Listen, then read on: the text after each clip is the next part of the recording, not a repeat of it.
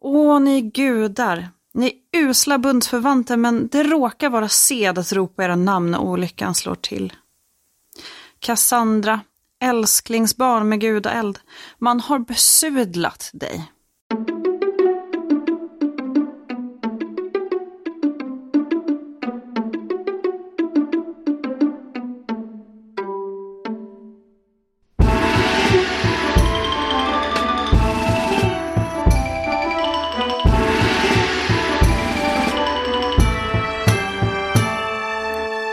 Hej och välkommen till Podius Castus, en podd om antiken.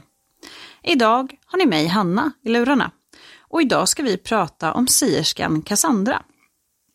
Tänk dig att vara älskad av en gud. Schysst, eller hur? För den som har lite koll på grekisk mytologi är den snarast första reaktionen en klump i magen, lätt svettning och en krypande panikkänsla. Att vara utvald eller älskad av en gudom ur det grekiska pantheonet är inte nödvändigtvis en kul upplevelse. Det finns åtskilliga berättelser om hur vanliga dödliga på olika vis blivit uppmärksammade av gudomarna.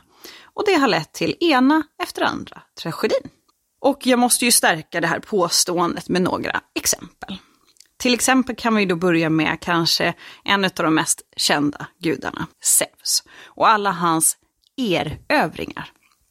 Zeus var en kåt gud som förälskade sig i män och kvinnor till höger och vänster. Han klädde ut sig, han kidnappade och ofta slutade det ganska illa för den dödliga. Inte alltid för att Zeus själv gjorde något emot dem. Om vi nu helt förbiser det faktum att det kanske inte alltid var ömsesidiga relationer, utan ofta ganska problematiska sexuella möten det handlar om. Men om vi då som sagt bortser från det faktumet, så var det ju ofta så att hans avundsjuka fru gjorde livet väldigt surt för de här dödliga.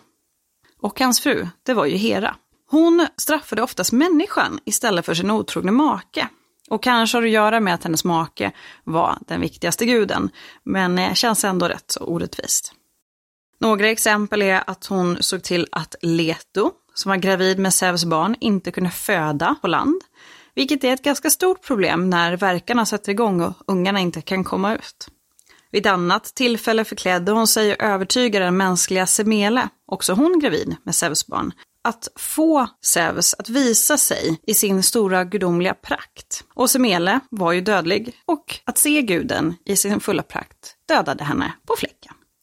En annan kvinna som Zeus hade haft ihop det med förvandlade Hera till ett monster och sen hade hon ihjäl deras barn. Ja, ni förstår. Andra exempel är Selene, mångudinnan. Hon förälskade sig i en väldigt vacker yngling och bad Zeus att ge honom evig ungdom. Och det fick han. Men priset var ju också evig sömn. Kan tänka er lite Törnrosa. Och det kanske inte riktigt var tanken. Och Poseidon, som var en av de andra olympiska gudarna, när han ville ligga med den väldigt vackra Medusa så såg han till att göra det i Athenas tempel. Vilket såklart gjorde gudinnan rasande. Men istället för att straffa Poseidon så förvandlar hon Medusa till ett monster. Ni vet, hon med ormar till hår och vars blick förvandlar dig till en sten. Och sen hjälpte hon en annan hjälte att ha ihjäl Medusa. Så att det här med att vara älskad av en gud, det är inte helt enkelt. Men vi ska inte prata om Medusa eller Selene eller Semele eller någon av de andra. Utan vi ska prata om vår huvudkaraktär Cassandra. Enligt mytologin så var Cassandra dotter till Priamos och Hekuba, som var kung och drottning av Troja. Som prinsessa så borde hon ha haft ett ganska bra liv. Hon valde att ta sig en annan framtid. Hon valde att vara prästinna i Apollons tempel. Och I den här rollen förväntas hon bland annat behålla sin oskuld. Hon var ju så att säga vigd med guden. Hon utförde riter och skötte sysslor i och runt templet. Och livet som prästinna kunde nog vara bra.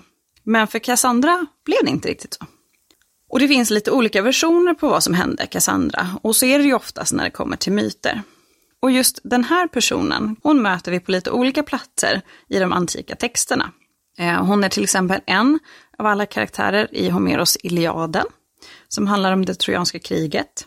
Och inspirerad av detta episka verk, tillsammans med Odysseen, så skrev två olika dramatiker pjäser som plockar stor del utav sin handling ur det här händelseförloppet.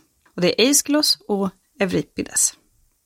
Aeschylus tragedi Agamemnon, som uppfördes första gången 458 före vår tideräkning, berättar historien om när kungen, alltså Agamemnon, kommer hem efter det trojanska kriget och vad som väntar honom där. Euripides tragedi Trojanskorna, som uppfördes 415 före vår tidräkning, var en av tre i en trilogi om det trojanska kriget.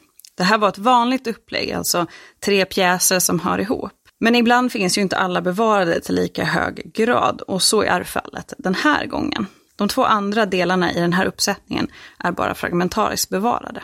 Men det här gör ju att det inte finns ett enat narrativ om Cassandra och hennes liv. Detaljer skiljer sig åt och ibland ganska mycket. Men jag kommer försöka hålla ihop det här till en någorlunda sammanhållande historia och kommer inte gå igenom varenda liten detalj som skiljer sig mellan dem. Och man kan säga att det hela egentligen börjar med att Cassandra får förmågan att sia om framtiden.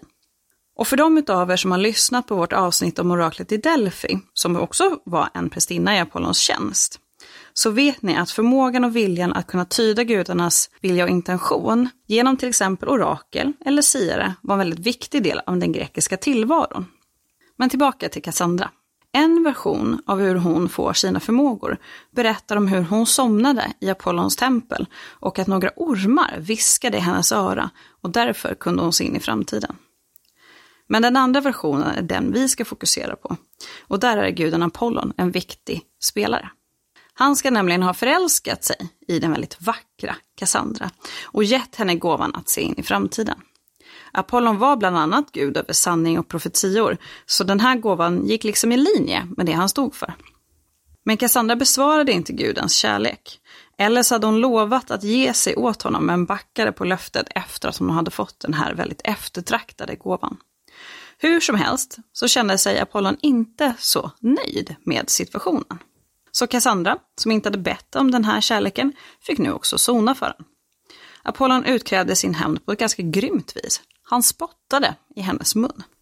Och det i sig låter väl kanske ganska överkomligt. Men den här eh, handlingen gjorde att hon skulle kunna förutspå framtiden.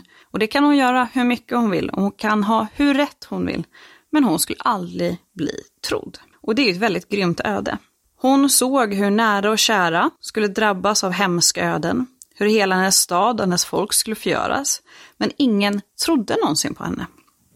Och i en version av myten så har Cassandra en tvillingbror som också kan se in i framtiden. Och lik Cassandra har han också alltid sanna visioner, men han, han blir trodd när han berättar om dem. Och inte nog med den här psykologiska tortyren, hon blev också så besvärande för sin familj att hennes far, kungen, ska låtit spärra in henne. Hon ska varit avskild från resten med bara en väkterska som har sett till hennes behov och förmedlat hennes profetior tillbaka till honom. Inte för att han trodde på dem, men... Cassandra var också mitt i smeten av just det trojanska kriget. Och för att vi inte ska förvirra oss i resten av historien om Cassandra kommer en väldigt kort sammanfattning av trojanska kriget. Det hela börjar när tre gudinnor, Athena, Afrodite och Hera, ska tävla om vem av dem som är vackrast. Och till domare utses den dödliga Paris. Han erbjöds olika belöningar av de olika gudinnorna. Och Afrodite, hon erbjuder den skönaste kvinnan. Och därför väljer Paris henne och Afrodite blir krönt till den vackraste gudinnan. Problemet är ju bara det att den skönaste kvinnan på jorden, Helena, hon var redan gift. Men Paris, han slog ändå slag i saken och rövade bort eller förförde Helena. Och hon lämnar då sin make, kung Menelaos, i Sparta. Paris och Helena tar sig tillbaka till Troja, som är Paris hem, och Menelaos förklarar krig. Och sen följer en tio år lång belägring av Troja, där många av de kända heroerna av grekisk mytologi deltar. Gudarna har också ganska många fingrar med i spelet. Och det hela slutar när den samlade grekiska styrkan låtsas dra sig tillbaka och lämna Troja vattenvägen. Men de har ju lämnat kvar en offergåva, den stora trojanska hästen, som står utanför Trojas port. Och den här historien är ju ganska välkänd, så många vet ju säkert att den här hästen var ju inte en offergåva, utan det var ju ett listigt knep. den var ju fylld av grekiska soldater.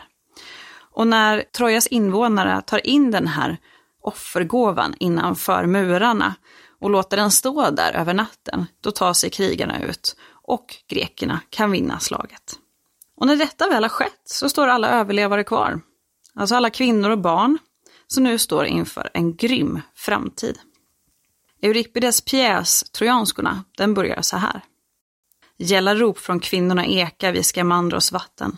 Fångar som ska lottas ut bland greker. Ömsom till arkadiskt folk och ömsom till tesaliskt.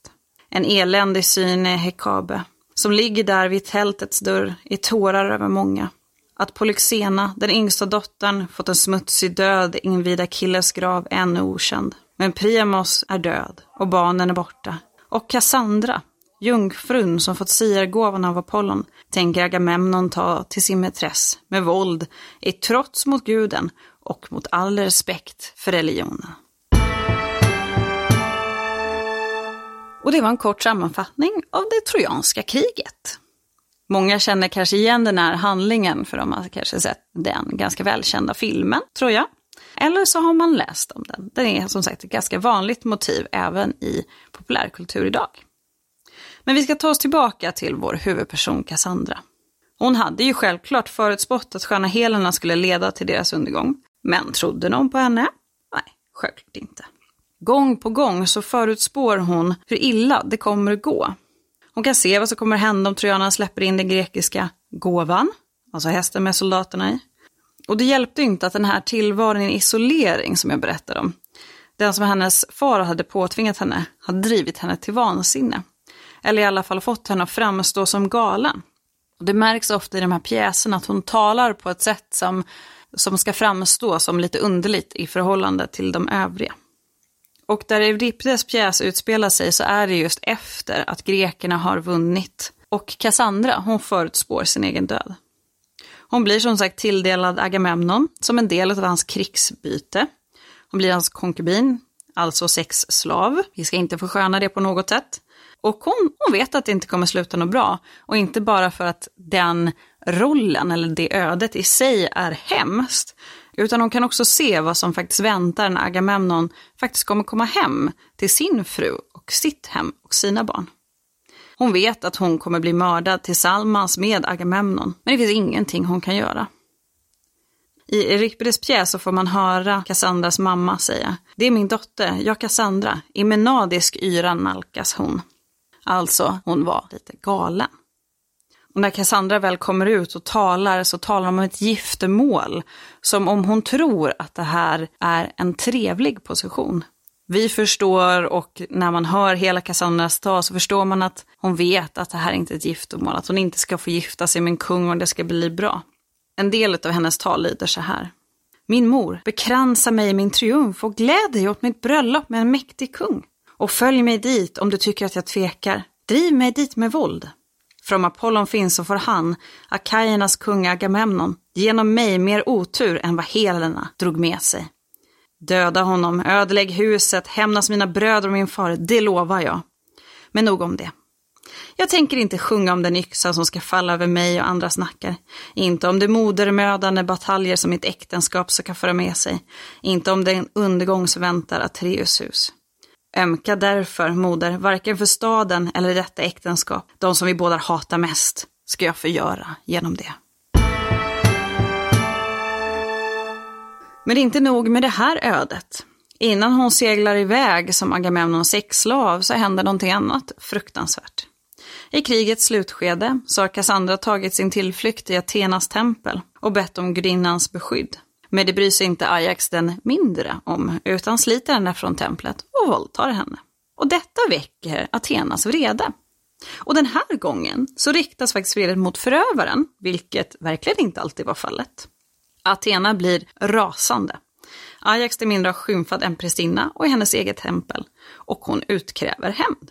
Men inte bara på Ajax, utan på alla greker. För Athena ansåg att det inte bara var han som hade felat, utan alla greker som hade stått och sett på och inte gjort någonting, de är också lika skyldiga. Och med sin farbror Poseidons hjälp så gör den hela den grekiska flottans hemfärd mycket, mycket svår och Ajax, han drunknar. Och enligt traditionen så skickade därefter Lokris, alltså där Ajax varit kung, två jungfrur varje år till Athenas tempel som en återkommande försoningsgåva. Men det hjälpte inte Cassandra speciellt mycket. Mycket av det vi har om Cassandra kommer just från de grekiska tragedierna. Och den grekiska teatertraditionen var länge väldigt definierad. Tragedier skrevs och framfördes under religiösa festivaler. En trageditrilogi framfördes traditionellt sett endast en gång och under festivalen så tävlade de olika dramatikerna om sina verk. Det finns otroligt mycket att säga om antikgrekisk teater, både som fysisk plats och som konstform. Men idag blir det återigen en liten kort sammanfattning. Under klassisk tid så utvecklas formen så att tre karaktärer finns med i en tragedi, tillsammans med kören.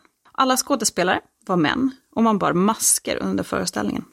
Kören hade oftast en tydligt eh, uttalad roll, till exempel atenska flickor, byäldre eller någon annan grupp som framförde sånger och danser som också förde handlingen framåt.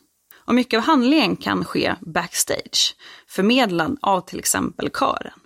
Så ganska mycket handling har skett innan eller efter, eller där du inte ser den. Både grekiska tragedier och de andra formerna av grekisk teater som komedier och satirer innehöll samhällskommentarer. Och publiken som då fick se de här verken var till stor del, eller till och med kanske uteslutande, just män. Men i pjäserna kan kvinnor, som Cassandra, få en röst som de faktiskt inte hade i vardagen. Och Cassandra, hon kommer ju komma med Agamemnon till hans hem. Och där vet vi ju, precis som Cassandra förutspådde, att hennes liv kommer ta slut. Hon har sett att Agamemnons fru inte kommer vara speciellt nöjd med hans hemkomst. Det har ju gått mer än tio år och mycket kan hända på en så lång period, det vet vi.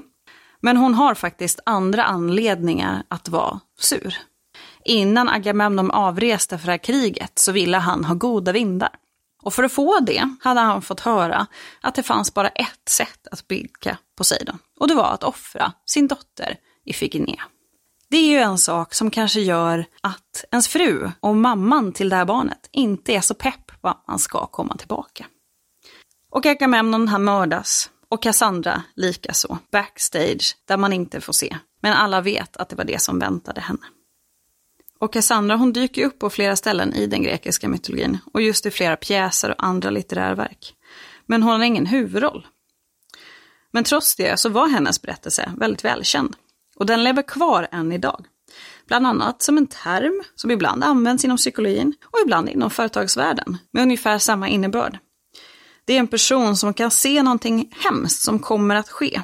En konsekvens av olika personers handlingar till exempel. Eller hur ett företags strategi kommer att fallera inom en snar framtid. Men de blir aldrig trodda. Och det är allt för idag. Tack så mycket för att ni har lyssnat. Vill ni komma i kontakt med oss så kan ni alltid nå oss på våra sociala medier, på Instagram eller på Facebook. Eller så kan ni mejla till oss på podiuskastus.gmail.com. Och alla citat, som det är i början och de andra jag har läst upp i det här avsnittet, kommer från Jan Stolpes översättning av Euripides pjäs Trojanskorna. Läs gärna den. Det är faktiskt väldigt bra läsning. Tack så mycket och på återhörande.